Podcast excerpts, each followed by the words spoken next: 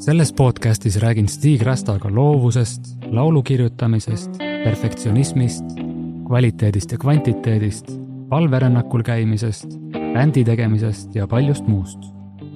kuigi vestlus on suunatud muusikutele ja laulukirjutajatele, on see huvitav ka teistele, sest loovus on vajalik igas eluvaldkonnas.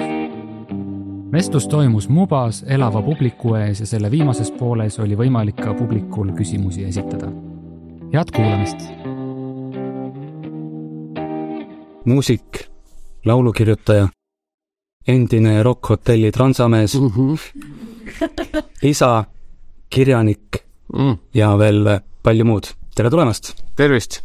ma mõtlesin, me võiksime seda intervjuud alustada selle keskkonnaga, kus sa kasvasid, kus sa tulnud oled. kas saate manada meie silme ette sõnadega pildi oma lapsepõlvest? Lapsepõlv oli Lasnamäel, tundus sihuke suht hallides toonides terve elu.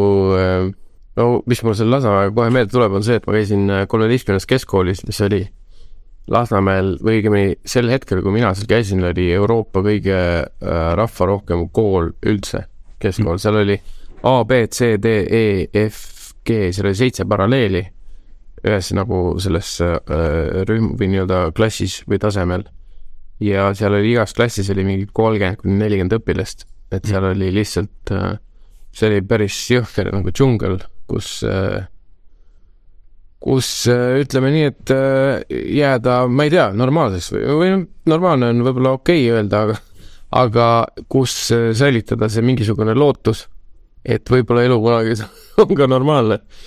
sündisin kaheksakümnendal, mis tähendab seda, et siis oli rublad ja siis oli see, et oli Lasnamäel vahel ei olnud sooja vett oli külm ja küte väljas talvel ja ema tegi praeahju ees riided soojaks. et oleks hea soe kooli minna. ja siis ma istusin, või noh, läksid selle pimedaga, kui sul tänavavalgustus oli sihuke ülikole mm. värv. Läksid selle pimedaga ja lörtsiga sealt äh, jubedalt sammusid kooli, kus oli räme palju rahvast ja sihuke täielik another brick on the wall tunne, on ju, et äh, ja istusid seal selles jubedas klassis ja vaatasid aknast välja, kuidas õues oli ka kõik hästi kole. Nagu, et see oli päris äh, kohutav aeg tagantjärgi hakkan mõtlema tegelikult, et kui ma käin tänapäeval, vaatan näiteks koole ja seda keskkonda, kus inimesed nagu õpivad, siis midagi hoopis muud, et et ma nagu tahaks umbes tagasi kooli minna, kui ma näen sellist maja näiteks kas või nagu täna, mida ma esimest korda siin Muba nägin et see, ega see keskkond äh, seal pidi kuidagi ellu jääma. kuidas sa hindad, kas te olite rikkast perest? Äh? ei, me ei olnud mingist rikkast perest, me tavaline, täiesti tavaline pere, ma arvan, pigem ikka seal nagu allpool kuskil nagu, et äh, ema oli mul muusikaõpetaja ja, ja isa ehitaja ja siis äh, aga kuidagi sel ajal oli see täitsa suva et, et kommunism oli selles mõttes tore aeg, et kõik olid võrdsed, onju. aga aga ma sain suht varakult aru, et, et keskkool ja see või üldse see kooliprogramm ja see, no mulle ikka üldse ei sobi, noh. et mulle ei sobinud absoluutselt äh, minna iga päev kell kaheksa kooli, olla seal kella kahe-kolmeni ja siis õppida, sest ma hästi nõme, et ma seda ütlen, aga ma ei mäleta, et ma oleks kodus väga õppinud üldse kunagi. noh mm -hmm., koolitöid teinud, sest ma põhimõtteliselt mulle ei meeldinud absoluutselt see asi. kohustuslikku kirjandust ma ka kooli ajal vist ei lugenud mitte ühtegi korda, mitte ühtegi asja pigem hiljem, sest mulle sel ajal ei meeldinud ei sobinud kuidagi see asi üldse. mis sa arvad, kas see, et kool ei sobi ja sellised ettekirjutatud reeglid ei sobi, et kas see on seotud äh, loovusega kuidagi? kindlasti, ma, ma, no ma nüüd tagantjärgi hakkan mõtlema küll, et äh, nüüd, kus ma olen mingi nelikümmend kolm, saan ma aru, et mul on enam-vähem praktiliselt kogu aeg peas mingi muusika kogu aeg käinud. et noh, midagi nagu mängib kogu aeg, eks hm.. siis äh, on raske nagu jääda selliseks äh, või noh, raske siit lülitada ümber mingi matemaatikatunnile või kuigi on see, et, et tegelikult oli see, et ma ei viitsinud õppida, aga kui ma õppisin, siis mul olid nagu ikkagi viied kõik üldjuhul. ehk siis, kui ma võtsin ennast kätte ja, ja hakkasin, et okei okay,, ma õpin ära need asjad, siis ma, siis ma nagu alati tegin hästi, aga mul oli just kõige suurem viga oli see, et ma ei viitsinud nagu seda teha lihtsalt absoluutselt. et ma pigem nagu vaatasin ikka aknast välja ja laulsin peas mingeid laule ikka väga-väga varakult peale juba, ma ei tea. kuidas üldse muusika su ellu jõudis, millal sa esimesi laule kirjutasid? muusika jõudis ellu niimoodi, et, et no mul onu oli muusik. tema juba hakkas varakult, mängis saksofoni ja läkski ansamblisse Rock Hotelli mängima. ja mul ema oli, noh, ikkagi õppis konservatooriumis ehk siis praeguses akadeemias. kas äkki koolijuhtimist või klaverit, ma ei tea, ma ei mäletagi kumba. et mul on nagu sugulased on, on kõik sellised koorijuhid ja, ja kuidagi see asi on meil peres alati olnud, mingites ansamblites laulmised ja ja no sugulased on ikkagi olnud nagu selles mõttes laulupeo ülddirigendid ja asjad, et et iga sünnipäev oli ikka mingi koorimuusika käis kogu aeg ja see, selle sees ma kasvasin. Ja siis umbes mingi, kui ma olin kuueaastane aastal kaheksakümmend kuus, tuli mu vanaema Kanadast, kuhu ta sai Vene ajal, ma ei tea, kuidas, küllakutsega mingi laeva peal Leningradis, sõitis Kanadasse mingi paar nädalat ja tuli tagasi, oli mingisugune makk kaasas, millega sai kassette mängida.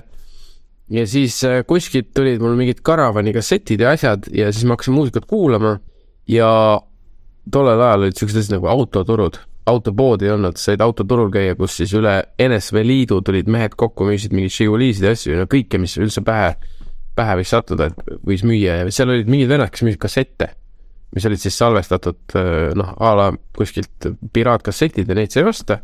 siis ma mäletan, ma küsisin isalt raha, et kuule, et ma tahaks MC Hammeri kassetti osta räigelt ja seda ma nagu seal kas või noh, Maci peal mängisin kogu aeg ja siis sealt hakkas pihta tegelikult see juba see värk, värk, et ma hakkasin kuulama muusikat nagu natuke teistmoodi või, või ja kogu aeg laulusõnu maha kirjutama ja siis mingi hetk ma hakkasin raadiost salvestama, meil tuli VOA Europe, mis on siis Voice of America. Vene ajal tuli Voice of America raadio tuli sisse et Soome raadioid äh, tuli ka mingi hetk mingit radiomaffiat, sealt tuli välismaist muusikat Eestis nagu, sel ajal ei olnud nagu liiga palju seda asja. et ja, ja neid asju hakkasid kogu aeg salvestama, sõnu maha kirjutama siis mul kuidagi tutvuse kaudu hakkas mingeid ajakirju tulema välismaalt ja siis, ja siis see kõik tundus nii äge, et sealt hakkas ta pihta. väga lahe. siin on kuulajate seas päris palju inimesi, kes on sellises faasis, kus nad on just oma esimesi lugusid avaldamas nendega välja tulemas, kas sa mäletad ka enda esimeste lugude avaldamist? jaa, ma kirjutama hakkasin neid ikkagi varakult juba, või noh, päris, päris noorena nagu juba kuidagi vaikselt ähm, kaheteist, kolmeteist aastaselt? midagi niisugust jah, ma arvan, et, et siis oli juba nagu kroon, kui te mäletate, võib-olla, ma ei tea. et siis sai juba sellist nagu noh, kitarri juba kuskil onu kinkis kitarri millegipärast vennale sünnipäevaks ja mingisuguse maki, kus seda sai läbi mängida. ja seal hakkas nagu, see asi hakkas pihta ja mul vend hakkas tegelikult mingit äh, trash metal bände tegema ja siis ma käisin proovides kaasas väiksena ja kuidagi seda asja vaatasin kõrvalt palju. Ehk siis ma muusikat nii-öelda hakkasin kirjutama või, või noh, midagi seal looma vaikselt oma nurgas juba päris varakult, aga esimene laul, mille ma sain üldse stuudios tehtud, oli see, et äh, niisugune bänd oli nagu Slobodan River. Ja, ja selleks ajaks ma juba teadsin sealt muusikute ringkonnast mingeid inimesi, kelle abiga ma sattusin Alar Kotkase ja Ilmar Laisaare ja Pearu Pauluse stuudiosse äh, Viimsis. Ja seal ma sain nii-öelda, noh, see on nagu see ikka, et, et kuule, et mul on mingi demo, noh. okei okay,, enne seda mul olid mingid sündid ja asjad, ma salvestasin juba mingeid asju põhja valmis ja siis oli see ikka, et ma annan talle kuulata, et kuule, et kuula, mis sa arvad.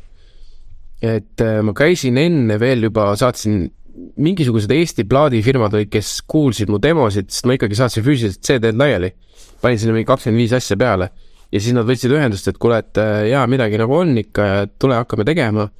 ja siis kunagi oli niisugune bänd nagu Anaconda ja, ja üks plaadifirma, ma ei mäleta, mis selle plaadifirma nimi oli, igatahes nad võtsid minuga ühendust, et hakka Anacondale muusikat kirjutama, mul oli niimoodi, et jess, onju, olemas. ja läksin stuudiosse, hakkasin kirjutama ja millegipärast jäi see kõik pooleli, minu arust see bänd läks laiali, kas keegi seal ma ei tea, jäi rasedaks või mis seal juhtus, et see bänd läks laiali, mul oli kõik jälle. järgmisena ma olin äh, Mikk Targo ja Paul Lille tegid ühte stuudiot kunagi, äh, kus siis äh, oli Code One ja Koit Toome, need. Tom Puiesteel. Just, kus sa teed? ma olen salvestanud. aa, no vot, ja siis oli niimoodi, et nad võtsid minu jälle, et, et kuule, tule tee siin ja ma sain sinna stuudiosse ligi ja sain muusikat teha, kuni ühel päeval nad ütlesid mulle, et mingisugune suur pult läks puruks, et meil ei saa salvestada enam mm.. mõtlesin, et okei okay,, selge, et nad ilmselt ei taha, et ma käin seal. ja aastaid hiljem ma sain teada, et tegelikult ka läks puruks, et tegelikult ei olnud see, et umbes, et ära käi siin rohkem. No vot ja siis kuidagi seal ringis ma liikusin ja sain nende kotkaste juurde ja sealt oli siis see, et, et esimene lugu, mis ma nende abiga tegin ikkagi, läks äh, ühele bändile, mis me ise tegime. ja noh, nende abiga muidugi see jõudis raadiosse igale poole ja läks äh, number üheks kohe Eestis. siis oli juba see, et okei okay,, et siis vist peab hakkama nagu tegema. huvitav on näha siin seda elu siinuslainet, kuidas äh, vahel tundub, et nüüd on kõik korras ja ma saan Anacondale hakata lugusid kirjutama, mul on nagu turvaline tulevik. siis nad lähevad äh, lahku ja siis peab jälle nullist alustama, et selliseid üles-alla käike elus on äh, palju. kas äh, mingil hetkel sul oli selline tunne ka, et nüüd I have made it? tegelikult vist ei ole olnud seda kunagi, sest et okei okay,, no on olnud selles mõttes ikkagi hetki, kus on sul tõesti, et äh, noh, ma olen nendeks hetkedeks pidanud selliseid asju, et, et kui me oleme näiteks ansambel Trafficuga kuskil Valgus kõnnib Kadriorus esinenud ja sul on kakskümmend tuhat inimest laua ees, reaalselt. seal oli jõhker punt rahvast koos ja meil on mingid droonikaadrid ja pildid, et kui palju seal seda rahvast oli, see oli lihtsalt mega. et see on nagu üks asi äh,. midagi on veel kindlasti olnud selliseid äh, ägedaid asju. aga üldiselt äh, ikka tegelikult kogu aeg ootad seda ägedamat ilmselt natuke. noh, arvad, et tuleb äkki? sest ilmselt äh, teekonnal muusikuna sellist püsivat õnnetunnet ei ole kunagi, vaid elu on pidevas liikumises. ma olen, äh, ma olen sellest tegelikult aru saanud, et äh, see, kuidas ma ütlen, see no ühesõnaga, kui ma hakkan muusikat tegema, siis mu esimene eesmärk on ju kohe, et ma saaks Madonnale muusikat kirjutada, eks. et ei ole nagu seda ja siis vaikselt hakkad sealt minema. ja ja siis sa elad selles mõttes kogu aeg, et millal ma selle Madonnani jõuan, on ju. ja tegelikult sul on äh, kogu aeg on selline tunne, et kohe-kohe noh, iga järgmine samm, mis sa teed, et kohe-kohe tuleb see mingi breakthrough ja ja noh, alguses muidugi ju ootad, et äh, teed bändide lugusid ja ootad, et Madonna ise helistaks, et kuule, et sina sealt Eestist, on ju, et äh, ole hea, tee mulle lugu nüüd, on ju. ja reaalseltki mõtledki selle peale, et mingi hetk võib nagu see asi juhtuda, aga siis saad aru, et tegelikult see asi ei juhtu kunagi, eks mm. -hmm. et sa pead ise ikkagi rämedalt äh, vaeva nägema. kas äh, selline kõrgete ootuste omamine, et äh, Madonna võtab nüüd ühendust, ähm, kas see on sulle pigem elus kasuks tulnud või kannatusi valmistanud, sest et tegelikult nii kõrgeid ootusi ei saa peaaegu kunagi täita, et see on kogu aeg pidev nälg. Jaa, see on selles mõttes kindlasti, ma olen hoopis hiljem sellest aru saanud, et see on rämedalt kahjuks tulnud, et noh, sa ikkagi mõtled iga päev, kui see telefoni heliseb, siis on pettumus, on ju, natuke. ja siis sul see, see nii-öelda dopamiini level käib üles-alla kogu aeg ja jälle äkki ta täna helistab või ei helista, on ju. ja see muutus äh, tegelikult hästi huvitavalt alles siis, kui ma sain isaks hmm.. et okei okay,, ta natuke varem nagu muutus ikkagi, aga, aga mingi hetk ma sain aru, et äh, noh, põhimõtteliselt kui, kui sa istud elutoas ja sul lapsed on põrandal ja mängivad, siis saad aru, et aa, et tegelikult on elus palju tähtsamaid asju. ja et kõige tähtsam asi on see lihtsalt, et sa naudid seda lihtsalt, et sa teed seda asja. et mul on olnud võimalus nagu lihtsalt terve elu praktiliselt okei okay,, see keskkool ja need, need asjad nagu noh, pead sa ära ootama ja ära käima selle aja ja siis, aga sisuliselt on mul olnud terve elu võimalus teha seda, mida ma tahan mm. -hmm. et see on palju tähtsam kui see, et mida ma lõpuks saavutan, on ju, et, et aga sellest, see on nõme, et, et see arusaamine, ma võin öelda noortele, et, et see on nii tegelikult, siis ega nad sellest aru ei saa, sest et nemad peavad selle ise läbi elama. jah, elu on äh, protsess ja probleemid ei saagi kunagi otsa. ja sellest sa saad hiljem teada kindlasti. asume selle vestluse tuuma juurde, milleks on muusika kirjutamine ja loovus. ja tihti äh, loovuse teemal tulevad äh, üles sellised äh, peatükid, mille kohta ma küsimusi tahan küsida. esimene nendest on äh, kvaliteet ja kvantiteet. et äh, kõigepealt, kui palju sinu elust, et kui palju ja kui tihti sa muusikat kirjutad? ma ikkagi nüüd juba kirjutan nädalas, ma arvan, niisugune neli laulu kindlasti. et pigem ikkagi rõhuda kvantiteedile alati. sest et sihuke ütlus on nagu üheksakümmend protsenti kõigest on sitt, vabandust selle väljendi eest, aga, või isegi üheksakümmend viis protsenti, mis tähendab seda, et, et, et noh, sisuliselt kõikidest maailma asjadest, filmidest, muusikast, toidust, tossudest, riietest, ükskõik mis sa võtad, üheksakümmend viis protsenti kõigest sellest, mis maailmas toodetakse, üldiselt on crap. ja see viis protsenti on see, mida me siis üldjuhul tarbime, eks. Et kui, kui sa mõtled, kui palju on automarke, sellest viis protsenti on hea, kui palju on maailmas toite, sellest viis protsenti on hea. ja, ja selleks, et, et sa saaksid hea loo, siis sa pead looma sihuke tuhat laulu, siis sul äkki seal mingi kolmkümmend laulu on head ka, noh nelikümmend tegelikult, et Mm. et see ei ole nii, et sa nüüd ühe loo kallal töötad räme palju ja siis, siis ta saab heaks, vaid sa pead selle nagu ikkagi noh, pigem ikkagi teed ülipalju. jah, sellega seoses, kuidas sa suhtud perfektsionismi? see on üks väga-väga keeruline asi ja see üldiselt äh, perfectionism kills profit öeldakse. et äh, see on siis see, et perfektsionism äh, ei äh, anna sul äh, profit'it saada, ehk siis põhimõtteliselt raha teenida lõpuks. et see on see, mis paneb ja noh, teine ingliskeelne väljend on eighty percent is good enough et äh, tihtilugu on see, et äh, noh, kui sa võtad laulu ja perfektsionistiga, teed seda tööd koos, siis äh,, siis sa saad aru, et see ei jõuagi lõpuks kuhugi, et ta töötab selle laulu kallal nii kaua, kuni no ükskõik kui kaua, et kogu aeg on midagi vaja paremaks teha, kogu aeg on midagi vaja paremaks teha ja tegelikult äh, tegelikult äh, õnneks minu puhul on see, et ma ei ole kindlasti perfektsionist, et et see, ma arvan, tapab väga loomingut. Flow kaob ära või on vaja liiga? seal on isegi see, et see flow on no, võib-olla olemas alguses, aga, aga hiljem on sellel inimesel, kes ise on see perfektsionist, tal on väga raske töötada tegelikult ja tal, ma arvan, need sellised mingid vaimsed me-, meltdown või sulamised, sellised asjad on palju kergemad tulema, sest et tema jaoks ei ole kunagi piisavalt hea mingi asi, see on, see on üliraske elada niimoodi, ma arvan. on siin on kohe päris mitu huvitavat teemat õhus. esiteks, see tähendab, et päris suur hulk äh, lugudest, mis sa kirjutad, keegi kunagi ei kuule neid. kuidas sa sellesse suhtud, et kui sul on loo kirjutamine pooleli ja siis sa juba saad aru, et ilmselt sellest ei tule midagi? kas kirjutad ikka loo lõpuni? ei, ei, ei, kindlasti mitte, et äh, ma teen, ütleme tund aega seal tööd sellega, mingi asjaga, mis ma teen ja siis ma saan, mõtlen tükk aega, kas, ma ei saa aru, kas see on nagu ülihea või ülihalb. ja siis mingi hetk saad aru, pagan see vist, kui ma seda mõtet juba ikkagi hakkan tegema, siis ma üldiselt saan aru, et see vist üli- või noh, ta pigem on, see võib ära kustutada. Aga meil on välja töötatud selline asi, et äh, meil on äh, folder ja inimesed, kes siis tegelikult on selle folderil on ligipääs, et äh, kui ma ikkagi tõstan kõik asjad sinna üldiselt, siis keegi meil ikkagi kirjastuses sorteerib kõik need demod, käib läbi, siis mingi hetk kirjutab, keda me peame usaldama ka siis, et kuule, et võtke see lugu uuesti ette. see demo näiteks, et tehke see lõpuni, et see tundub, et on äge asi. kas üldjuhul sa kirjutad ühe loo valmis ühe sessiooniga? no valmis, jah, üldiselt on niimoodi, et me teeme, kui me teeme laagreid või kämpe, siis me oleme viimasel ajal teinud niimoodi, et äh, kaks lugu päevas. et me ei taha panna tohutut aega sellele, et, et see lugu oleks ülihea kõlaga, vaid pigem see, et seal saaks äh, valmis see kõige parem vundament ja need seinad ja asjad, et kuhu siis lõpuks seda remonti hakata tegema, viimistlust.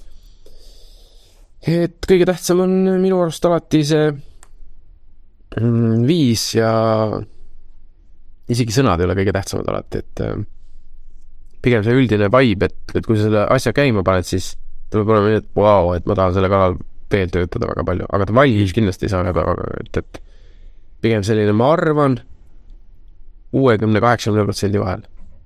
seda on võib-olla raske endal teada, aga sa oled nii palju lugusid kirjutanud, et sul on kindlasti kujunenud välja selline tunne, mis ütleb, et kas see on nüüd hea lugu või mitte. kas sa oskad kirjeldada, mis eristab suurepärast lugu keskpärasest loo? jaa, suurepärase looga on äh, tihtilugu, ta toimib nagu igas äh, võtmes, et ta toimib nii lastelauluna kui ka seda saab nagu põhimõtteliselt ooperisse üle kanda või mis iganes klassikalisse muusikasse ja ja sellega on, ma arvan, nähtud vaeva üldjuhul vähemalt, ma arvan, protsentuaalselt rohkem kui ikkagi äh, noh, ehk siis mida ma nagu kohtan ise väga tihti, kas või enda puhul, on see, et, et mingi lauluga ma noh, on see eighty percent is good enough, eks, et, et aga, aga mingi hetk sa pead sellest aru ka saama, et, et see, see võib-olla ei olegi good enough, et sa pead panema sinna tegelikult eh, noh, selle sessiooni käigus et äh, sa teed selle enda arvates ägeda loo valmis, aga tegelikult on see, et kui sa paned sinna veel energiat ja, ja veel pingutad, siis sa saad tast nagu ka suurepärase loo mingi hetk. et see on nagu vähe tehnilisem lahendus ja, ja pärast ma saan äh, võib-olla seal teises klassis seletada seda täpsemalt, aga aga jah, üks asi on kindlasti see, et sa saad teda teha nii lastelauluna, äh, rokina, popina, diskona, klassikalise muusikaga, sedasama laulu üle kanda nagu erinevatesse žanritesse, ma arvan. see lõpuks on mingisugune tunne, mis seda laulu esitades või kuulates tekib, mis ütleb, et vot siin on midagi mm,? vot ma ei oska öelda, praegu mul tuleb, tegelikult tuleb meelde ka üks asi veel, et äh, kui on camp ja on juhtunud tihti seda, et kui ma kirjutan kellegagi koos mingisuguse laulu ja see tuleb hästi raskelt ja sihuke noh, et ma ei tea, kas see on hea ja sihuke pagan, et võib-olla ikka ei ole ka, et, et ma noh, ühesõnaga, et sa lõpetad selle päeva ära selle tundega, et kurat, kuidagi nagu jama oli või ei tulnud välja midagi, siis äh, võib väga tihti olla see, et keegi kõrvaline kuulab sulle, ütleb, aa, see on mega hea. et isegi kui sa ise ei tunne seda, siis sa ei ole ainukene inimene, kes kuulab muusikat, et äh, teised kõrvalised võivad üldse öelda, et oo, et see on nagu tegelikult ülihea asi ja mul on paar korda seda asja olnud, et me lõpetame mingi sessiooni ära kuskil ja ma ei tea ja siis mingid kirjastused ütlevad, kuule, see on ülihea asi, et, et las see nüüd ol-, nüüd see on lukus, et hoiame, et, et saadame kuskile laiali. ja siis mõtlen, mis asja nagu täitsa mingi kahtlane. räägime teistega koos töötamisest ja koos muusika kirjutamisest. kõigepealt, äh, kas sa oled tähele pannud äh, mingisuguseid iseloomuomadusi või inimesi, kellega koos töötamine sujub väga hästi? Äh, kuidas teiste inimestega koos muusikat kirjutada, nii et see võimalikult viljakas oleks? Äh, jah, selles mõttes, et ma kunagi naljakas olin üldse nagu sellise kooskirjutamise vastu, mitte vastu, aga ma, mul ei olnud kogemust ja ma mõtlesin, kuidas see võimalik on ja et nagu, et äh, ma ikkagi kirjutan muusikat üksi ja ma olen nagu noh, helilooja, on ju. et aga siis hiljem, noh, aastaid, aastaid, aastaid hiljem ma sain aru, et, et et mulle tundub vähemalt laulukirjutajad on nagu sellised äh, antennid, sest noh, tihti küsitakse, kust see muusika tuleb, onju, siis ma ei tea, lihtsalt ta kuskilt tuleb niimoodi ja siis hakkad tegema, eks. ja siis mulle tundub, et, et mida rohkem neid antenne koos on nagu niimoodi noh, kes niimoodi vaibivad ja vibreerivad natukene, siis, siis see antenn on ikka võimsam, eks, tuleb nagu suuremat muusikat sisse. ja, ja mul on elus olnud võib-olla mingi paar-kolm kirjutajat, kellega ma üldse nagu ei, no ei suhestu, ei vaibi, ei oska, ei saa hakkama, et äh, ja siis sa leiad nendel ka mingisuguse ühisnimetaja, mis nende käitumises teeb nendega kirjutamise ära? no ma arvan, et äh, võib-olla ta ei sobi mulle lihtsalt, on üks variant, kuigi teine variant, ma arvan, et võib-olla ego. Ikkagi mhm.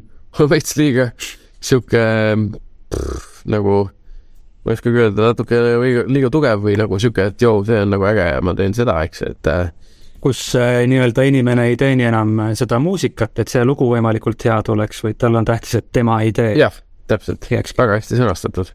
et äh, näiteks äh, eriti just soomlastega olen tähele pannud, on see, et, et sa lähed äh, tuppa mingi neljakesi, et ah, või kolmekesi üldjuhul või, või midagi viiekesi vist, mitte pigem kolmekesi, et hakake tegema midagi, siis esimesed tund aega käib niisugune lihtsalt istumine, üksteise vahtimine natukene, et noh, et mis su nimi on siis ja sihuke kuidagi nagu noh, seda võib nimetada mingiks häälestamiseks või nagu, et sa lihtsalt üritad aru saada, mis inimesega tegu on. ja üldiselt nagu laulukirjutajad, kõik eranditult, keda mina olen kohanud elus, on üldiselt, ma arvan, väga head inimesed. et ma ei ole kohanud ühtegi sihukest mingit ülbet või vastikut või ebaviisakat või troppi või, või mingisugust äh, sotsiopaati või kedagi sihukest. võib-olla ma ei ole nii piisavalt veel käinud, onju et võib-olla need, kes seal tipus on, on kõik sotsiopaadid ja psühhopaadid. aga üldiselt nad on kõik siuksed head inimesed ja nendega seal toas istudes tekib see ühine mingi keel ja vibe ja, ja see on nagu sihuke kuidagi mingi eriti, noh, see annab sulle endale energiat ülipalju pärast, eks. et sa, näiteks mul oli üks kogemus oli Jaapanis, kahe Jaapani laulukirjutajaga, kes ei rääkinud sõnagi inglise keelt, kes olid mingid surfarid ja minu arust nad purjus ka veel ja me olime, no lõhnad olid selles mõttes, fine, nad lihtsalt käisid surfamas, jõid õlut ja nüüd tulid laulu kirjutama. ja siis me, me ei saanudki suhelda nagu noh, keeleliselt ühtegi sõna, sest nad ei rääkinud inglise keelt, ainult hello ja kõik onju. ja, aga me kirjutasime minu arust nagu päris ägeda loo nagu vähemalt Jaapani konteksti võib-olla, ma loodan. ah,. sõnadest samas ei saa aru, sest et nad inglise keelt ei räägi. ei, aga neil oli see, et kui me hakkasime mängima, siis oli see või see, oli kõik, et oh ja salvestame onju, korras. ja, ja noh, laulda sa võid ju ükskõik mis keeles, lihtsalt tegime inglise keeles noh, mingid sõnad, millest nemad muidugi ei jaganud midagi. aga see, see sihuke, see mull, mis tekib selleks hetkeks, mingiks neljaks-viieks tunniks on nagu, kus ülejäänud maailm kõik sulgub ära, et see on äge asi. kui sa nüüd ise juhid äh, sellist koos kirjutamist, kas äh, sul on mingisugused reeglid ka või mingisugune meetod, kuidas läheneda sellele, siis kirjutajatele soovitada? ma, seal ei ole sellist asja nagu, et keegi juhib, mul on niisugune tunne esiteks. produtsent, okei okay,, võiks olla produtsent see, kes ütleb, see, kes või kes salvestab, et oi, laulame selle sisse ja teeme seda, eks, et seda on natuke vaja, sest muidu läheb liiga äh, selliseks äh, käest ära. aga üks asi, mis mul veel äh, tuli meelde seoses nende koos kirjutamistega, on see, et tavaliselt seal ruumis ei ole vahet, mis su kogemus on üldse et kui palju sa oled kirjutanud, kas sa oled tuhat laulu kirjutanud ühe laulu või kas sa oled kümme aastat teinud või, või kolm nädalat, sest äh, noh, mina olen kirjutanud tüüpidega, kes on juba noh, siuksed äh, lähenevad kuuekümnele teinud äh, ikkagi väga suuri asju maailmas. ja seal toas olles, kuigi ma nagu eelnevalt tean, et ah, see Rootsi tüüp tuleb, et vau wow,, et see mees on neid asju teinud ja umbes lähen küsin autogrammi, siis seal kaob see nagu ära kuidagi täielikult, et seal mm., seal ei ole, keegi ei ole kellestki kunagi parem vaid äh, tihtilugu on see, et kui ma lähen mingi äh, näiteks äh, ma näitan täna ühte projekti, kus ma ühe tüdrukuga kirjutasin, kes kes vist oli teist korda üldse elus nii-öelda stuudios sessioonil. Ja, ja mul on temalt nagu ülipalju õppida mida ma ise nagu kas unustan ära või, või ei noh, ei tule selle peale, mida tavaliselt väga, väga kogenematud võivad tuua sellesse sessiooni, mis on palju ägedam kui see, noh, kõik on olnud, on ju. jah, sellepärast minu meelest on hästi hea kirjutamisesse ka alandlikkusega suhtuda.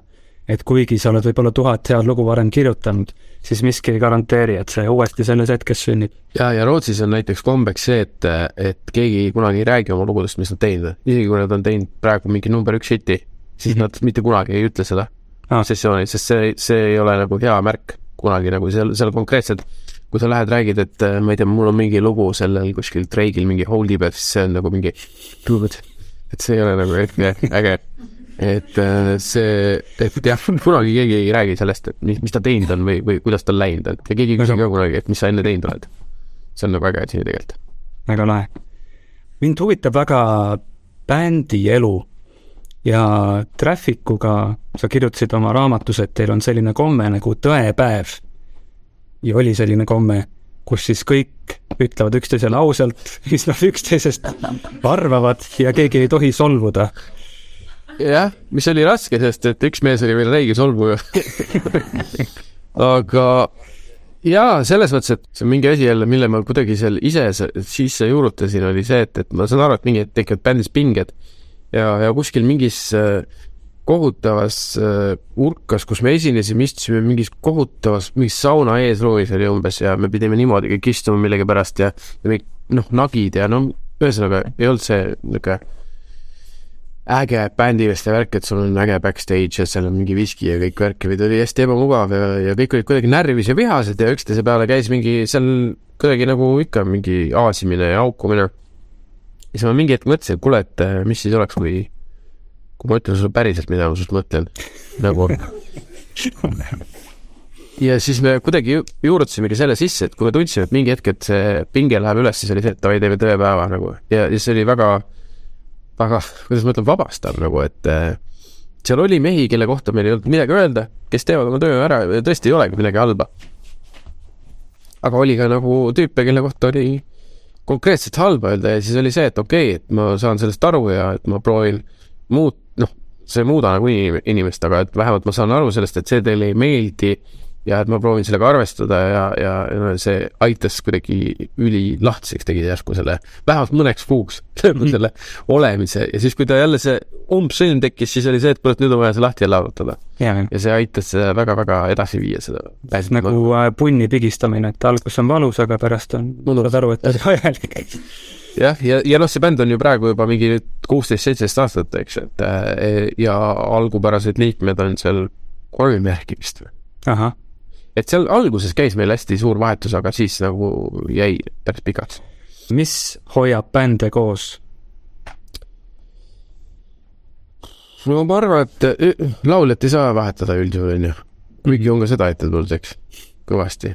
aga no meie puhul on see, et, et tegelikult bändi hoiab koos ikkagi see, et äh, sellel bändil peab olema see, ma arvan, see business management pool või see äri administreeriv pool peab olema tugev ja peab olema olemas täiesti.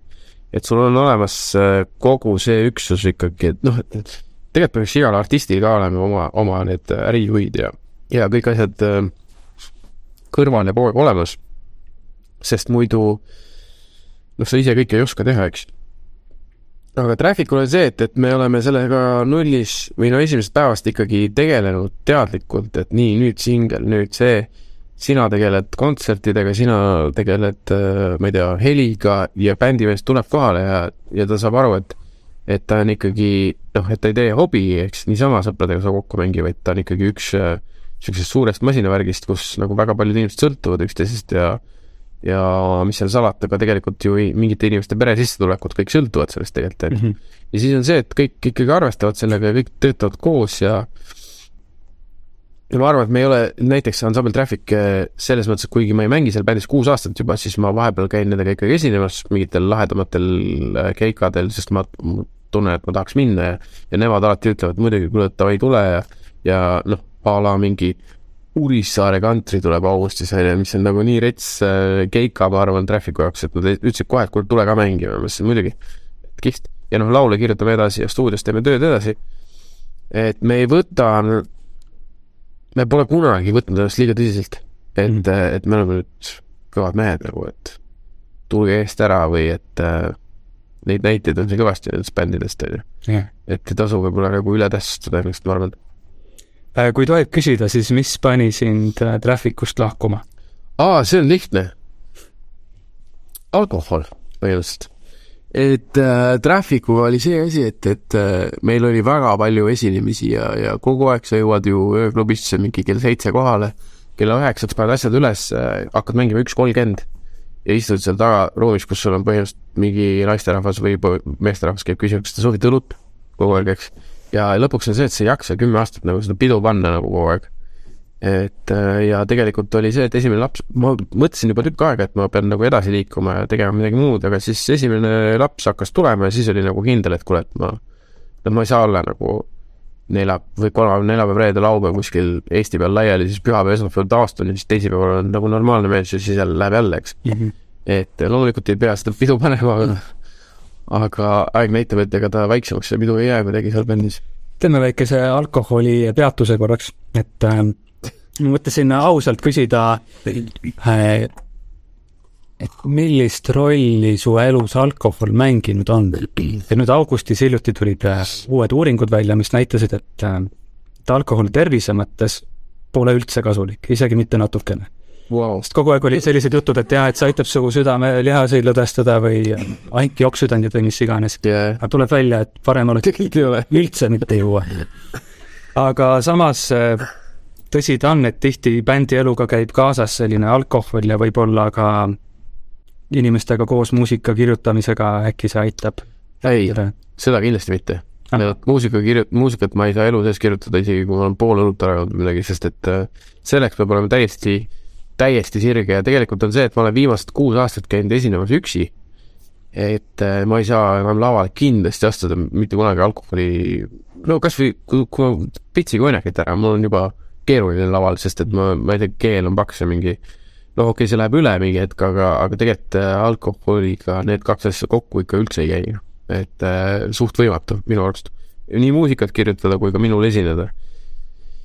Et jah, seal bändi ajal oli kuidagi nagu teistmoodi see mingi jõhker elu ja mingi jee värk käis kogu aeg, et siis kuidagi noh, kui sa oled nagu ikkagi kidramees seal taga, siis on nagu suva veits onju ja sul on endast parem kidramees on teisel pool lava et kuidagi on okei okay.. mõtteeksperimendina, et kui sa äh, elaksid enda elu uuesti niimoodi, et sa ei joo üldse alkoholi kas sa oleksid praeguseks äh, kaugemale jõudnud, kui sa oled? või ei, vähem kaugele? kahjuks mitte või õnneks või ma ei tea, selles mõttes, et ma arvan, et äh, mul, mul ei ole nagu kunagi see olnud äh, mingisugune mm, probleem või, või asi, et, et äh, võib-olla on ka, ma ei tea. aga ma arvan, et no on näiteid loomulikult ju, kus need muusikud ja bändimehed on täiesti lollitsevad ennast ja visatakse bändidest välja ja nii edasi. et ma arvan, et see on lihtsalt inimese probleem või noh, see on haigus, on ju, aga, aga meil on olnud loomulikult bändis seda hetke, kus äh, mõni tüüp, äh, väga tähtis tüüp on olnud võib-olla liiga äh, palju on juhtunud. aga siis on jälle see hetk olnud, kus ta tuleb, vabandab äh,, ostab kõigile pitsad, ütleb mm., kuule, et seda rohkem ei juhtu ja seda konkreetselt võib-olla ei juhtugi rohkem, et et mingi hetk ikkagi jällegi sa saad aru, et sul on vastutus seal bändis su esimene raamat Minu Kennedy lõpeb äh, palverännakuga Hispaanias. Yeah. ja sinna sa läksid äh, just sellel põhjusel, et äh, üks edukas suvi siis peale viitekümmet esinemist, kus oli ka palju alkoholi, sai justkui liiga paljuks. Ja liiga raske oli ja siis oli selline tunne, et on vaja äh, hooldusesse minna. Yeah.. mingisugune restart teha. Äh, seda oli väga huvitav lugeda, see nüüdseks on siis kaheksa aastat tagasi, kui sa palverännakul käisid. kaheksasada kilomeetrit siis äh, jalutamist. Äh, nüüd on piisavalt aega möödas, et sa saad seda hinnata niimoodi tagasivaatavalt, et kas see hooldus õnnestus, restardi tegemine, ja kas sa pead seda endiselt vajalikuks, et selliseid asju teha? jaa, õnnestus selles mõttes, et ta oli, sul on ikkagi kui sa kolmkümmend kolm päeva lihtsalt kõnnid ja siis sul on ikka räme palju aega mõelda oma asjade peale, eks. et äh, ühelt poolt see puhkus sul on, see on, see on nagu nii ebamugavaks tehtud, sa ei mõtle ühelegi tööasjale, vaid sa mõtled sel hetkel kogu aeg, kui valus mu jalad on, kui katki ja kui halvad, halvas olukorras ja kus ma oma järgmise söögi saan ja, ja nii edasi, eks. et see on selliseks nagu mõtlemiseks kõige parem aeg, ma olen suht kindel, et ma lähen sinna tagasi veel kunagi. ma arvan isegi mitu korda millegipärast aga see aitas äh, väga palju. lihtsalt äh, oligi see, et ma sain selle jälle aru, et, et nagu maailmas on palju tähtsamaid asju kui ma ise see on nagu tähtis asi kohe varakult nagu minu arust selgeks saada. mis, mis see teadmine teeb sinuga? no see, et, et ma just äh, võib-olla ei tähtsusta e-, ka enda tööd üle, just see kõige tähtsam, et, et ma naudin seda protsessi ikkagi endiselt, noh, see on kõige tähtsam, et äh, et äh, see, see, et ma saan ikkagi selle loominguga tegeleda iga päev ja ma ei pea käima põhimõtteliselt niimoodi tööl sellepärast, et noh, saada mingisugust äh, renti maksta ja, ja bensiini osta ainult, noh. see on, see on lihtsalt noh, bliss see raamat lõppes kaadriga, kus sa läksid siis peale palverännakut Zarasse päevitunult räbaldunud riietega ja müüja ei teinud sinust väljagi. kontrastina kirjeldasid, kuidas Eestis kõik tunnevad su ära ja on hästi kenad sinuga. ja seal oli selline huvitav, justkui mööda minnes lause, et, et sa eelistad seda Prantsusmaa varianti, kus ei tehta välja. jaa, ma, ma sain vahepeal seda veel tunda oli veel mingi küsimus äh,? see, jah, ma tahtsin sellega viia küsimuseni, et, et rääkida ausalt ka kuulsusest, mis võib siin nii mõnelgi olla selline justkui äh, ihaldusväärne eesmärk, koht, kuhu välja jõuda. et äh, kuidas sinu hinnangul kuulsus ja tuntus Eestis äh, su elu mõjutanud on ja mis selle head ja halvad pooled on? no ta ikka selles mõttes mõjutab päris palju, et kuigi äh, mul on nagu mingisugune oskus endale mingisugune mull ümber teha, et ma ei, lihtsalt ei pööra tähelepanu välismaailmale. aga naljakas oli see, et kui oli maski kandmiskohustus, siis inimesed tundub ka mind ära. ja siis, ja siis me nagu käisime ja tegime, siis mingi hetk mul naine tuletas meelde, et sa, ma küsisin, et kuule, kas inimesed käituvadki nii nõmedalt või jaa, et, et sinuga käituvad ilusti, kui sul maski ees ei ole, on ju, aga üldiselt jah, et, et käitutaksegi halvasti ümberringi, noh, poes, ma ei tea, kassiirid ja nii edasi, et tegelikult ongi nõme, on ju ja siis äh, õnneks sai see maski aeg otsa ja inimesed hakkasid ilusti käituma minuga jälle.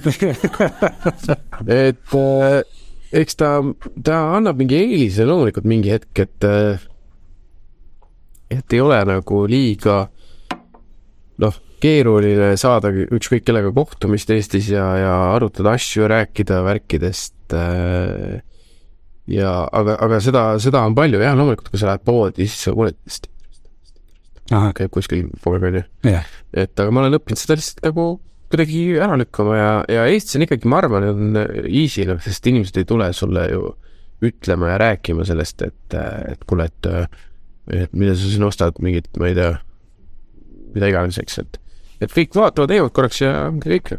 see ei, see ei häiri Eestis õnneks. väga hea eh,. oleks hea, kui kõik inimesed kohtleksid üksteist nagu nad oleksid kuulsused siis. Kenad üksteisega, see on tasuta, see ei maksa midagi, et paremini käituda. jajah, aga kas ähm, olen mõelnud, et kui, mida rohkemad inimesed sind teavad, seda suurem tõenäosus, et mõni hull või psühhopaat või ebameeldiv inimene sind ka teab. kas sul on mõni seik rääkida? jaa, las ma mõtlen, no on neid ikka, kes äh, ükskord üks naisterahvas jälitas meid ja see oli päris õudne, sest et äh, me olime naisega kuskil a la poes, vaatasime mingeid riideid värke onju, elasime kesklinnas siis ja ja, ja vaatasime mingi punapea, punaste juustega, noh, sihuke vanem daam nagu lihtsalt nagu natuke liiga lähedal vaatab ja niimoodi otsa ja ja siis öö, noh, okei okay,, läksime ära, siis vaatasime, märkasime, et on toidupoes nagu. Ja siis ta märkasime, et ta on õues nagu. Ja siis me hakkasime koju kõndima, ta kõndis järgi. Ja siis oli see, et kui me nurga taha jõudsime, siis me jooksime juba nagu järgmise nurga taha vaatama, et, et kas tuleb järgi ja siis ta mingi tuli umbes, tegi mingit seda. Ja siis me jooksime paraadnasse või korid trepikotta ja teisele korrusele akna juurest vaatama ja tuligi järgi. siis oli küll nagu see, et what the fuck. Ja aga, ja paar sellist äh, paar sellist on veel olnud, kus sa natukene isegi noh, ehmatad ära korraks, et äh, noh, nad, nad on üldiselt sellised, kes ei saa su sellest, sellest piirist absoluutselt aru, eks nad tulevad sulle näkku rääkima midagi kohe, onju. ja siis saad aru, et ta ütleb sulle et konkreetselt, et äh, mul sealt äh, kuskilt Siiriuselt tuli mingi sõnum, et, et ma noh, a la onju. minul veel oli enam-vähem, sest ma nagu kuidagi lõpetasin selle kohe ära, aga Viktor Kroone Rootsist oli see mees, kes äh, no hea näide on see, et kui sa hakkad autogrammi andma, onju, siis ma lihtsalt kirjutan Stig, võtan järgmiseks. Ja tema on see, et mis su nimi on, mis su õe nimi on, ma kirjutan teile kõigile hästi pikalt nagu jääb nagu niimoodi kontakti selle inimesega. Ja siis noh, selle inimesega ka, kes ilmselgelt ma sain kohe aru, et ta noh, kõik päris korras ei ole, eks.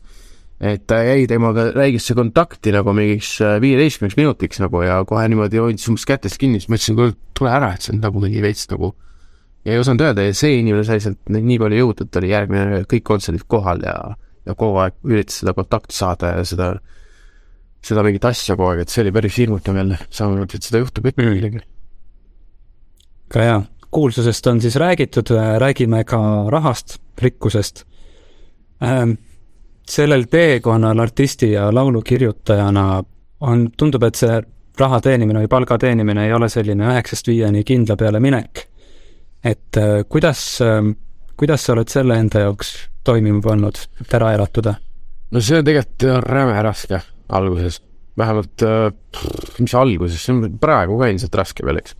et see ei ole siuke asi, et, et äh, ma ei kujuta ette, noh, selles mõttes minul oli tänu sellele, et mul ikkagi olid äh, vanemad alguses toetasid selles mõttes, et konkreetselt esimesed arvutid, mis mul oli osta, siis ikkagi mul mingi vend ja ema võtsid järelmaksuga arvuti, eks, et mulle muusikat teha, teadmata seda, et kas ma üldse nagu no oskan või, või, või ma ei tea, kas ma hakkan sellega tegelema nagu piisavalt ja õnneks noh, läks nagu hästi, eks.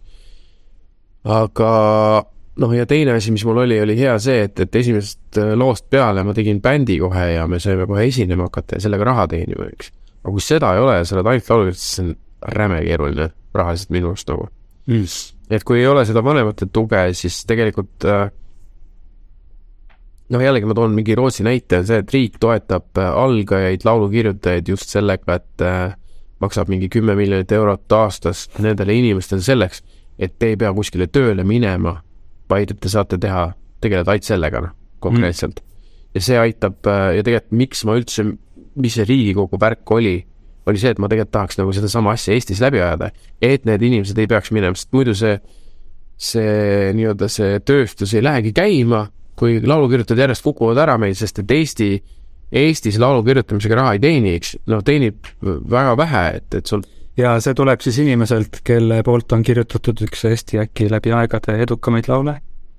nojah, nojah, võib-olla, aga, aga ma mõtlen need autoritasud, eks, et need, need ikkagi on vaja esinemisi teha ja sellest, ükskõik kui hästi su laulul ka ei lähe. absoluutselt, et see, need summad ei ole nagu nii, nii suured, et sa saad rahulikult ära elada, eks, ja selleks on vaja seda, et, et riik tegelikult maksaks teile raha konkreetselt, et te seda teete, noh Mm. ja maksaks teile aastaid, noh, kuni te saate sinna, et, et, et teil tuleb see sissetulek piisavalt suur, et, et seda juba ise ära ja see on, see on väga-väga raske. Rootsist on ka näha, et see on üks see töötab, viljakamaid Muidugi. riike laulukirjas. see on ju mitukümmend aastat seal töötanud ja, ja, ja noh, näide on olemas, aga nüüd on Heidi Purga kultuuriminister, et äh, tema on ju veits, kuidas ma ütlen, selle popi või selle muusikaskeene nagu sihuke sees olnud ja ma, mulle tundub, et ta on selle pooldaja ja äkki seal midagi hakkab muutuma, loodame. loodame. milliseid soovitusi on sul alustavatele artistidele ja laulukirjutajatele? nojah, artist ja laulukirjutaja, eks eh, vot see on tihti on see, et ta on üks ja, ja tihti on ka see, et ta on erinevad inimesed täiesti, eks. et no kõige, kõige tähtsam soovitus, mis ma ise olen aru saanud, on see, et et ole lihtsalt aus ja ära tee seda muusikat, mis sa arvad, et teised tahavad kuulda, vaid pigem tee seda, mis sa arvad, et sinu arvates on äge siis tahavad teised kuulata. see meenutab tegelikult, see on terve alapeatükk, millest ma rääkida tahtsin, et äh, autentsus muusikas versus äh, trendide järgimine ja võimalikult paljude kuulajateni jõudmine. praegu sa justkui ütlesid ära, mis sa sellest kõigest arvad, aga jah, üks asi on see, et, et mina näiteks kuulan äh, väga, ütleme nii, et ma kuulan loomulikult seda, neid äh, Spotify top viiskümmend global ja viral ära, need tihtilugu nad ühtivad, aga seal on praegu on seal mingit erilist lahna nagu või nagu siukest mingit noh, Ladina-Ameerika mingit nalja absurd orkestrimuusikat täis praegu see top viiskümmend, et sealt ei saa nagu väga inspiratsiooni. -hmm. aga üldiselt äh, sellest viralist varem sai nagu ikka väga palju inspi, et, et noh, kui sa oled laulukirjutaja, siis pole vahet selles mõttes, et, et kui sul on, kui sa kirjutad mingi väga hea laulu, mis on sinust nagu, siis tegelikult mingi produtsent hiljem saab selle teha ju vastavalt vajadusele, eks. aga kõige tähtsam on see, et sa saad endast välja selle, selle ausa asja ja see ei, ja noh, seda ka ilmselt ei tohi olla, et mis teised minust arvavad nagu absoluutselt. et Mhm. pigem nagu ikkagi ausalt välja saada see asi, mul oli kunagi raskusi nagu päris noh, seal kollektiivi siis nagu kirjutamisega bändile, et ma tahaks nagu seda ideed teha, aga see võib-olla tundub eriti loll, aga samas see on see, et äh, see idee võib olla väga-väga hea mingi loo jaoks, eks, et äh, et pigem panna hullu nagu.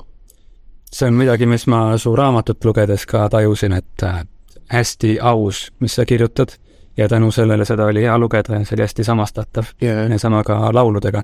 mm. -hmm. aus peab olema, selles mõttes on palju lihtsam tegelikult, see on hästi raske alguses, aga hiljem on sul nagu palju lihtsam. jaa, ja ma olen veel mõelnud, et kui sa jõuad kaugele teeseldes, siis äh, sa võtad endalt võiduvõimaluse ära. sest et kui sa oled tipus tehes midagi, mida sa vihkad või millesse sa ise ei usu, siis see ei ole võitmine. ja, ja see kuulaja, see inimene, kes vaatab seda, ta tegelikult alateadvuses, ma arvan, tajub seda konflikti, et midagi on valesti üldiselt mm. -hmm. et äh, ta kas nagu ise ei usu seda või, või äh, noh, et, et, et noh, sa saad aru sellest hoiakust, et kas sa tuled nüüd ausalt ja teed seda asja või siis sa mingi üritad olla midagi, mis sa ei ole tegelikult. kui sa saaksid äh, ajamasinaga rännata ja vestelda, ütleme, kuueteistaastase Stigiga, siis mis sa talle ütleksid? Tee rohkem tööd, et selles mõttes eh, kindlasti see, et, et ära võta nii tõsiselt seda asja, et äh, ära hoia neid eesmärkidest nagu niimoodi kinni kogu aeg, et ma pean saama sinna, muidu ma suren. või et, et, et mu iga järgmine success on kohe kuskil nurga taga ja ma elan selles ärevuses kogu aeg, et, et kohe-kohe juhtub midagi, tegelikult ei juhtu. ja kui sa oled kogu aeg selles ärevuses, siis tekivad need paanikahood, depressioonid, noh mina ma olen konkreetselt kolm korda seal läbi elanud, need mingid depressioone, kus ma võtan konkreetset ravimit, sest et ma olen elanud äh, võib-olla mingi poolteist aastat mingis ärevus äh, selles olekus, et ma tean, et kohe midagi juhtub nagu kohe-kohe-kohe midagi juhtub. aga siis on see, et sul tegelikult ei juhtugi su ajus haara, mis toimub, on ju, et, et lolliks oled läinud või et, et no nüüd on kõik, et nüüd paneme paugu ära, et lülitab su nagu füüsiliselt välja nagu lihtsalt oledki loll peast, on ju et, et kaua sa oled selles olekus, et pigem on see, et sa pead ikkagi, et noh, võta nüüd rahulikult ja naudi seda endiselt see põhiasi. et see, ja üks asi veel, see tee on räme pikk, et, et kui ei juhtu sul kahe, kolme, viie või kümne või isegi viieteist aastaga seda asja, siis kahekümne aasta pärast võib see juhtuda. sest tegelikult see, ma olen aru saanud sellest, et see jutt ei ole niisama, et kümme tuhat tundi harjuta. Ja siis sa hakkad aru saama nagu sellest asjast tegelikult, et see päriselt ongi nii reaalselt, et nüüd ma, kus ma olen äh, muusikat kirjutanud, ma arvan, mingi kolmkümmend aastat peaaegu, eks, või noh, okei okay,, mingi jah, professionaalsel tasemel võib-olla kakskümmend aastat. nüüd ma hakkan aru saama enam-vähem, kuidas nagu see asi toimib nagu või kuidas oleks võimalik nagu minna niimoodi, et see asi on väga hea.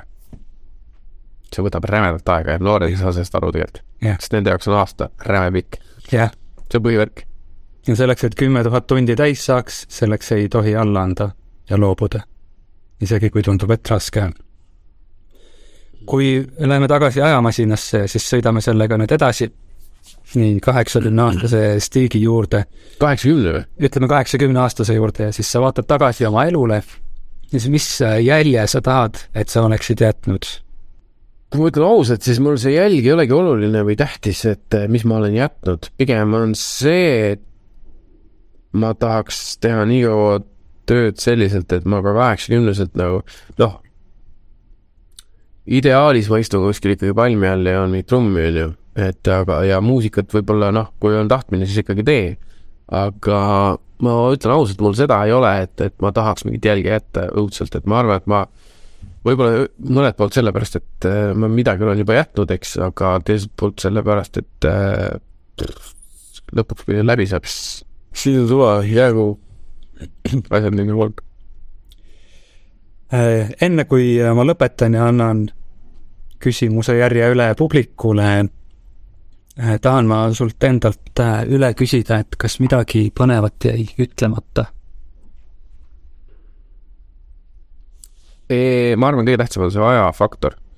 ikkagi, et kui sa äh, just eriti algajatele laulukirjutajatele, kes on seda kaks-kolm aastat teinud või, või neli, et äh, esiteks see, et äh, kui sa juba, ma arvan, kolm aastat teed seda, siis sa saad aru, et see et, et see on nagu see muusika tegemine on nagu nii äge asi, et, et sa jätkad sellega nagunii, eks.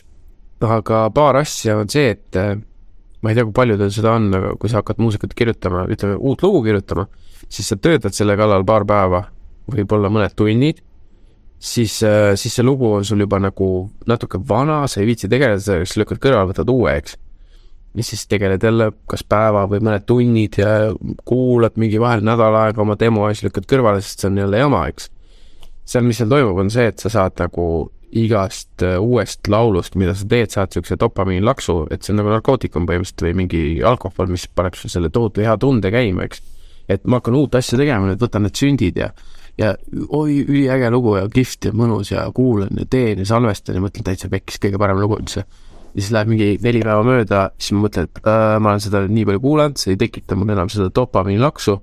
ma lükkan selle kõrvale, et ma ei viitsi sellega tegeleda, ma võtan uue asja jälle ja jälle uue, eks. aga selleks, et, et nagu ikkagi äh, läbi lüüa, on need noh, kõrvale lükatud asjad on vaja võtta tegelikult äh, korrastada ära endal ja siis mingi paari kuu pärast jälle tulla tagasi ja võtta korraks, et kuule, et see lugu vist ikkagi tegelikult oli ikka päris hea asi.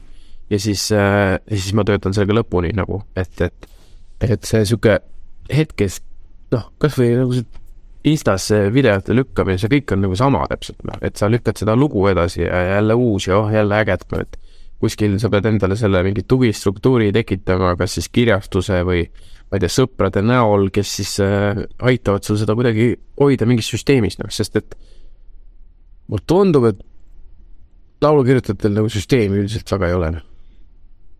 jah, voice memosid lihtsalt tuhandeid. ma, ma arvan, mul on mingi kolm tuhat, noh. aga mul on mingid asjad on nimetatud nagu selles mõttes, et ma ikkagi otsin, aga tegelikult see on nagu suht pekkis värk. jah. kas publikust on küsimusi tekkinud? Kordan äh, mikrofoni ka küsimust, et küsimus oli siis pettise sündroomi või imposter syndrome'i kohta, kus inimesele tundub, et kes justkui on juba midagi saavutanud, et ta on petis ja ta ei vääri seda. kas sa oled sellega ka rinda pistnud ja kas on nõuandeid, kuidas sellesse suhtuda? mul on olnud loomulikult hetki, selles mõttes mul on olnud neid hetki, kus ma mõtlen, et võib-olla ma ei viitsi rohkem muusikaga tegeleda, et aitab küll. aga no vot seal, seal jälle nagu tasub võib-olla lasta seda muusikat kellelegi. et ja mitte oma sugulastele ja tuttavatele, kes emme ütleb sulle ikka, et issand, kui tubli sa oled ja nunnu ja ja see on nagu mõttetu, sest et sealt ei tule nagu õiget asja, aga kui sa lased oma teistele inimestele, kes võib-olla kellega sa koos, ma ei tea, teed seda muusikat või õpid ja siis sealt saad seda feedback'i. aga ma arvan, et noh, eks need tunded käivad kogu aeg läbi, et lihtsalt äh, tee nii palju muusikat, need tunded enam ei teki äkki võib-olla, ma arvan vähemalt, et ja samas on see, et kui sa saad aru, et sa oled ikkagi juba nagu mingi pool aastat või aastat tegutsenud sellega ja sa sind nagu pigem pakub see huvi, siis ma arvan, et keegi ei ole petis. Stig varem kirjeldas ka, kuidas äh, Rootsis tippinimestega koos kirjutades, et kõik on ikkagi võrdsed seal ruumis. ja, ja muidugi. seal ei ole niisugust asja, et sa oled parem ja ma olen parem või see on nagu täiesti, pole olemas. Kõik on petised. jah, põhimõtteliselt küll muidugi, ja kõik varastavad tihti ideid ja nad ei saa aru sellest ja, ja ja siis on see, et kuule, vot see on varastatud ja siis on see, oh fuck on jah, et ah, kustutame ära muudame ära, et, et, et seda juhtub väga palju näiteks eh, ka väga kogenud eh, muusikakirjutajatel. et sa lihtsalt alateadvuses on nii palju muusikat, et ma olen korduvalt kirjutanud lugusid, mis on juba olemas. mis hetkel sa saad aru, et lugu on valmis ja saad tast lahti lasta? No ühelt poolt on see, et seda hetke ei tulegi praktiliselt kunagi, eks teine asi on see, et äh, tähtaeg on ülitähtis. et kui sul ei ole tähtaega, siis sa, no ma ütlen, ma olen mingit lugu kaks pool aastat kirjutanud näiteks, et äh, see on, see on suht pekkis värk, et kui sa paned nagu ikkagi reaalse tähtaja ja, ja keegi teine kontrollib seda tähtaega, siis ta saab valmis sul selleks hetkeks ja siis ta on, ega kui sa kuulad, kui ma kuulan oma mingit muusikat ja loomingut tagantjärgi, siis nad ei ole valmis nagu kunagi. siin oleks võinud seda muuta, siin oleks võinud seda muuta, et sellest nagu, seda juhtub nagunii, noh, lihtsalt, et äh, tähtaeg, tähtis. et äh, kui sa ütlesid, et kvantiteet on olulisem kvaliteet, et põhimõtteliselt kirjuta tuhat laulu, et siis nendest mingi nelikümmend laulu on väga head, on ju. et siis kas see on ka märk sellest, et äh, ei peaks neid laule avaldama, mis on need tuhande seas. muidugi mitte. või on just see, et võiks just nagu piisavalt palju võtta, mis tunduvad ka nagu keskpäraselt head? ei noh, selles mõttes sa võid seda teha muidugi, aga ega see, ma arvan, et sa füüsiliselt ei jõua tuhandet laulu avaldada lihtsalt äh, nagu aga, aga sisuliselt on see, et sa lihtsalt äh, kirjutad äh, konkreetselt, noh, see tuhat laulu ei tähenda seda, et see laul on valmis, vaid sul on esimene salm ja refrään võib-olla ainult, sest noh, see on üks nagu nii-öelda, onju ja vahel on refrään on üks ja, ja selles mõttes neid tuhat juppi nii-öelda, siis äh, sellest ma arvan, nelikümmend, kolmkümmend võib-olla võiks olla head, noh. võib-olla isegi vähem tegelikult. kas sa oled kunagi kahetsenud mõne laulu avaldamist? kusjuures viimasel ajal on küsitud mul seda millegipärast aga äh, võib-olla seda hakati peale hambapõhjuse laulu küsima aga ei ole nagu kahetsenud vist küll ühtegi laulu, ma mõtlen äh,, ma olen seda küll teinud, et ma olen avaldanud laulu ja siis võib-olla ära võtnud mm.. et äh, sest ma sain aru, et seal mingi kommunikatsioon on võib-olla vale olnud ja, ja selles mõttes see kommunikatsioon, et, et äh, võib-olla noh, lihtsalt annad loo välja, kellelegi ei räägi sellest võib-olla siis vaatad, et, et nagu see, see värk on küll olnud, aga üldiselt ega ma ei siin äh, ma tean, et paljudel on selline olukord, kus nad on valmis oma esimesi lugusid avaldama, aga nad ei ole kindlad, kas need on piisavalt head. No,. kardetakse lasta mm, käest võimalust esimene, esimest korda siis turule tulla. üks äh, mõte veel, mida ma olen aru saanud, on see, et äh, et mida ma olen noh, näiteks mõelnud äh, vaimselt just lauluartistina või on see, et, et ma mõtlen, et okei okay,, nüüd ma avaldan mingi loo, on ju.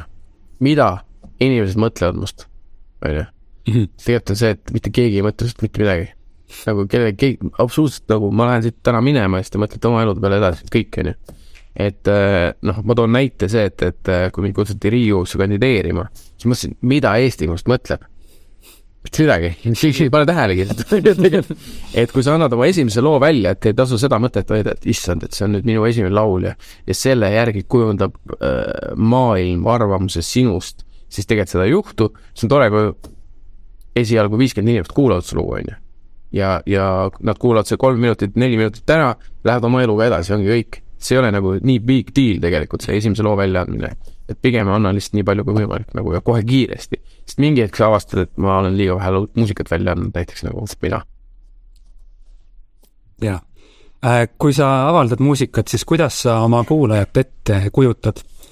Äh, küsin sellepärast, et me just enne arutasime, kuidas ähm, osadel, kes on tulnud Otsa koolist või Mubast, on selline tunne, et see kuulaja on hästi kriitiline mm. -hmm. hästi hea muusik, kes kritiseerib igal tal iga ja iga probleemi. no see on seesama asi, millest ma just rääkisin, et, et seda ei ole tegelikult absoluutselt.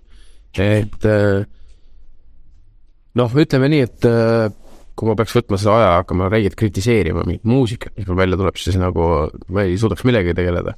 ja need kõrval, sinu kõrval lähedal olevad inimesed, kes nagu muusikat no ütleme, et sa annad välja ja sa arvad, mis see lähi küm-, kümme inimest, äh, kes minuga samal ajal töötavad, äh, mis nad arvavad sellest, siis tegelikult on see, et nad pole muusikat välja andnud, võib-olla veel ei saa andnud, eks, et see on palju tähtsam asi. et äh, ja Eestis on üli äh, harva kombeks see, et kui sa annad mingi loo välja, et ma kirjutan ja ma kuulan seda, mulle meeldib see, et ma kirjutan sulle, et kuule, hea asi noh, tegelikult. Seda praktiliselt ei juhtugi, on ju ja isegi tegelikult on see, et inimesed mõtlevad seda tihti. et pigem on see, et, et äge, et sa andsid välja äh,, kihvtilt kõlab, tubli, kõik need asjad on äh, üldiselt esimesed mõtted, mitte see, et äh, eriline jobu olen ka tähele pannud, et mida rohkem inimesed saavutanud on või ise avaldanud, seda vähem kriitilised nad on selle suhtes, kui keegi sedasama asja teeb. seda rohkem nad julgustavad seda tegema yeah., teavad neid hirme ja ja seda, kui palju tööd sinna alla läheb mm. -hmm. aga kõige tähtsam on mõelda seda, et keegi, keegi tegelikult ei mõtle su peale kahjuks nii palju, kui sa võib-olla ise arvad, et kui tähtis sa oled. seda, seda kindlasti. kui sa ütlesid, et äh, sa kirjutad äh, nädalas umbes neli laulu, siis võib-olla ma eksin, aga tõenäoliselt äh, mingisugused laulud äh, kuidagi ikkagi sa kirjutad a la samast olukorrast või samast teemast, et kuidas kuidas leida neid erinevaid nurkasid, äh, mille alt kirjutada, et mitte kirjutada kogu aeg samast? sa mõtled mu-, sõnade mõttes või? sõnade mõttes on see, et äh, need esimesed lood, mis ma kirjutan, nende sõnade mõttes on täiesti suva, mis ma kirjutan seal kokku, see sõnad, lihtsalt see, mis sel hetkel tuleb, on ju, täiesti pähe, et peaasi, et ta fraseering on see, et äh, ma fraseerin kas või esimesed laulud, noh, niimoodi, on ju. ja siis on see, et okei okay,, mul on vaja siia mingit sõnu, et I don't wanna be in asshole või noh, midagi sihukest, eks. et mitte nüüd konkreetselt nii, aga, aga, aga noh, selles mõttes, et sa kirjutad need placeholder sõnad valmis, seal ei pea seda teemat olema tegelikult tihti. kui sul tuleb see, siis on nagu äge ja mul on võib-olla tulnud nendest kõikidest lauludest võib-olla mingi viiel-kuuel korral see, et mul tuleb kohe sõnad. ja mis on see, et pärast ka jäävad kõik. et pigem selle noh, esialgu pane lihtsalt täiesti suvalised sõnad ja siis pärast, kui sa tunned, et see lugu töötab ja sul on vaja seda siis hakka alles, ma arvan, sõnadega töötama. et kuidas sa ennast äh, endiselt arendad, näiteks meloodiaid, sõnu? ma are-, arendan ennast sellega, et ma vaatan ikka veel tutorial'e loomulikult, äh, kuidas teised teevad, on ju, et äh, praegu ma vaatan mingit vana Charlie Puthi äh, tutorial'i, kuidas ta näitab kuidas ta muusikat teeb ja teine asi on see, et ma istun stuudios mingite noorte laulukirjutajatega koos, kes teevad selliseid meloodiaid, mida ma ise ei tee näiteks. siis ma mõtlen alguses, et oota, ärme nii küll tee, siis ma hakkan mõtlema, et oota, aga miks ma enda moodi tahan teha, võib-olla see on täielik crap, on ju, et pigem teeme siis nii, on ju. ja siis ma õpin, et aa, okei okay., põhimõtteliselt kogemusest lihtsalt, ma arvan. ja no ikka tutorial'id jah, selles mõttes ja näiteks no ma follow in Instas mingit, mingit suva mingeid klaverimehi, kes iga nädal panevad uued järgnevused, noh ja siis ma teen neid järgi näiteks ja võtan ka viimasel ajal, olen võtnud mingit Beethoveni seitsmendat, mis, mida tituleeritakse kõige igavamaks maailmas üldse teoseks. ja, ja õpin selle selgeks klaveri peal ja siis muudan mingeid asju, näiteks mingeid järgnevusi ja siis kasutan neid enda lugudes. aga kui palju sa ise sa muusikat kuulad ja kas pigem lihtsalt niisama, et ta käib sul kõrval või kas sa kogu aeg analüüsid? ma muusikat ei kuula üldse praegu peaaegu, ainult siis, kui ma võtan kätte, kui sõidan kuskile, kuulan neid mingeid vairaleid ja, ja neid äh, asju raadiot, okei okay,, raadiost ma kuulen muusikat ja mul naine saadab vahepeal mingeid lahedaid lugusid, aga omavahel me väga ei jaga muusikat teiste produde ja kirjutajatega millegipärast, et oh, kuula seda või väga-väga-väga harva. et pigem niisugust äh, teadlikku muusika kuulamist on praktiliselt ei olegi. Viimane kutse. Eh, tere, mina tahaks küsida Eurovisiooni kohta, sest see on varsti tulemas ja ma olen ise suur Eurovisiooni fänn. aga ma küsiks sellist asja, et eh, sa oled mitmel korral eh, lugudega Eurovisioonile jõudnud ja ise ka seal esinenud ja see tundub nagu sihuke hästi-hästi suur asi, big deal, et suur show kogu Euroopa vaatab, aga ma küsiks sellist asja, et kas kui palju ja kas see päriselt nagu pikaajalises perspektiivis pärast oma nagu jälje jätab? kas see on selline suur pauk, mis nagu on ja siis tegelikult hajub ära või tegelikult kui paljud on nagu mingeid uksi avanud ja mingisuguseid äh, kontakte loonud ja nii edasi? Äh, jah, selles mõttes, et äh, ta ei ole eriline asi tegelikult ikkagi lõppkokkuvõttes, ma arvan. viimasel ajal on, vähemalt varasemalt oli sellel äh, Eurovisioonil oli sihuke veits sihuke mekk juures nagu, et ta ei olnud nagu mingi kõige ägedam asi, onju. aga nüüd on kuidagi olnud niimoodi, et see tase on seal ühtlaselt nagu üliäge olnud. ja noh, kui me vaatame kasvõi seda Maneskinni, kes võitis, onju, et see kütab mingeid USA teleshow sid ja asju, onju, ja nagu see, sealt on ikkagi võimalik, kui sa oled ikkagi väga hea artist, väga suurt saavutada. minul, no ja siis teine, teine asi, kui see pauk ära käib ja sa, sa lähed sinna Eurovisioonile, siis on, tegelikult on see, et kui sa selle Eesti Laulu võidad, siis kogu see periood kuni Eurovisiooni lõpuni on üks sihuke räme andmine käib nagu, kõik tahavad sinust midagi. kes tahab sulle lihtsalt mingeid asju anda ja, ja kes tahab sinuga pilti teha, kes tahab sind võtta, panna kuskile igale poole.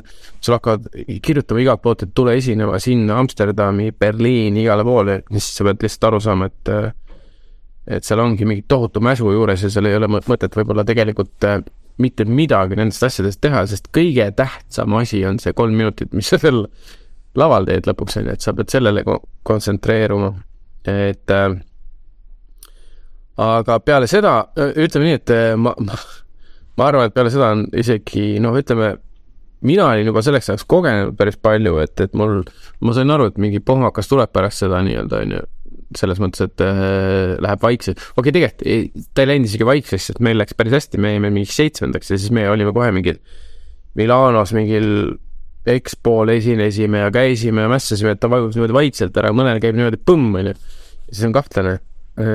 Ja teine asi on see, et, et tegelikult äh, pärast seda ikkagi mina sain Rootsi kirjastajaga lepingu.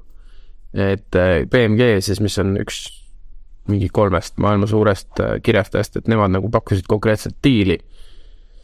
pakkusid mingi hunniku raha ka ja siis äh, oli nagu noh, ma tahtsin selle kogemuse nagu läbi teha, et teha nüüd ise kirjastus, et saada aru, et kuidas võib-olla ei peaks kirjastused toimima et ma, ma olin kolm aastat seal lepingus ja, ja kogu see leping üldse kestab viisteist aastat ja kõik muusika, mis ma sel hetkel tegin, on seal nagu seotud ja, ja nii edasi, et, et äh, et neid asju tegelikult oli päris palju.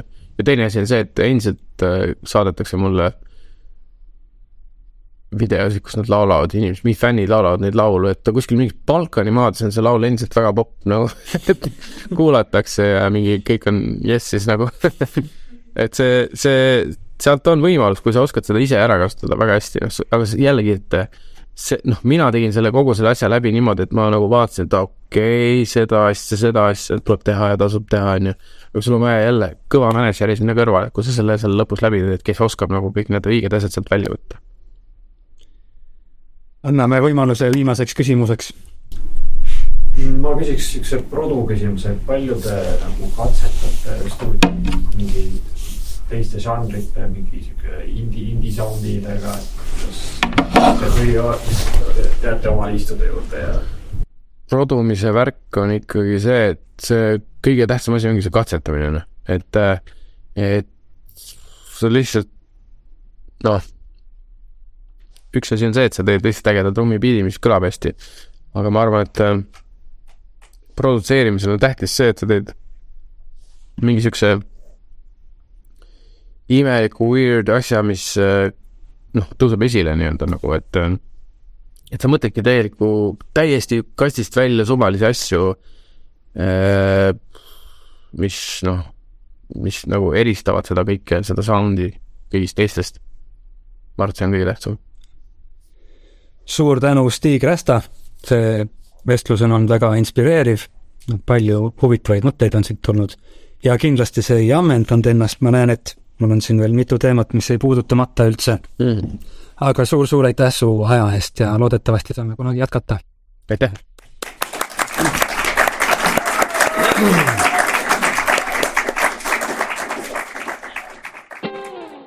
aitäh kuulamast! kui sul oli sellest podcastist kasu, jäta sellest hea arvustus oma podcasti kuulamise platvormil, telli mu Youtube'i kanal ja räägi sellest podcastist oma sõpradega. Usun, et läbi heade ideede jagamise saame koos luua parema elukeskkonna ja aidata inimestel oma potentsiaal ellu viia, olla õnnelikum ja produktiivsem. Kohtumiseni järgmises podcastis, kus vestlen Andres Kõpperiga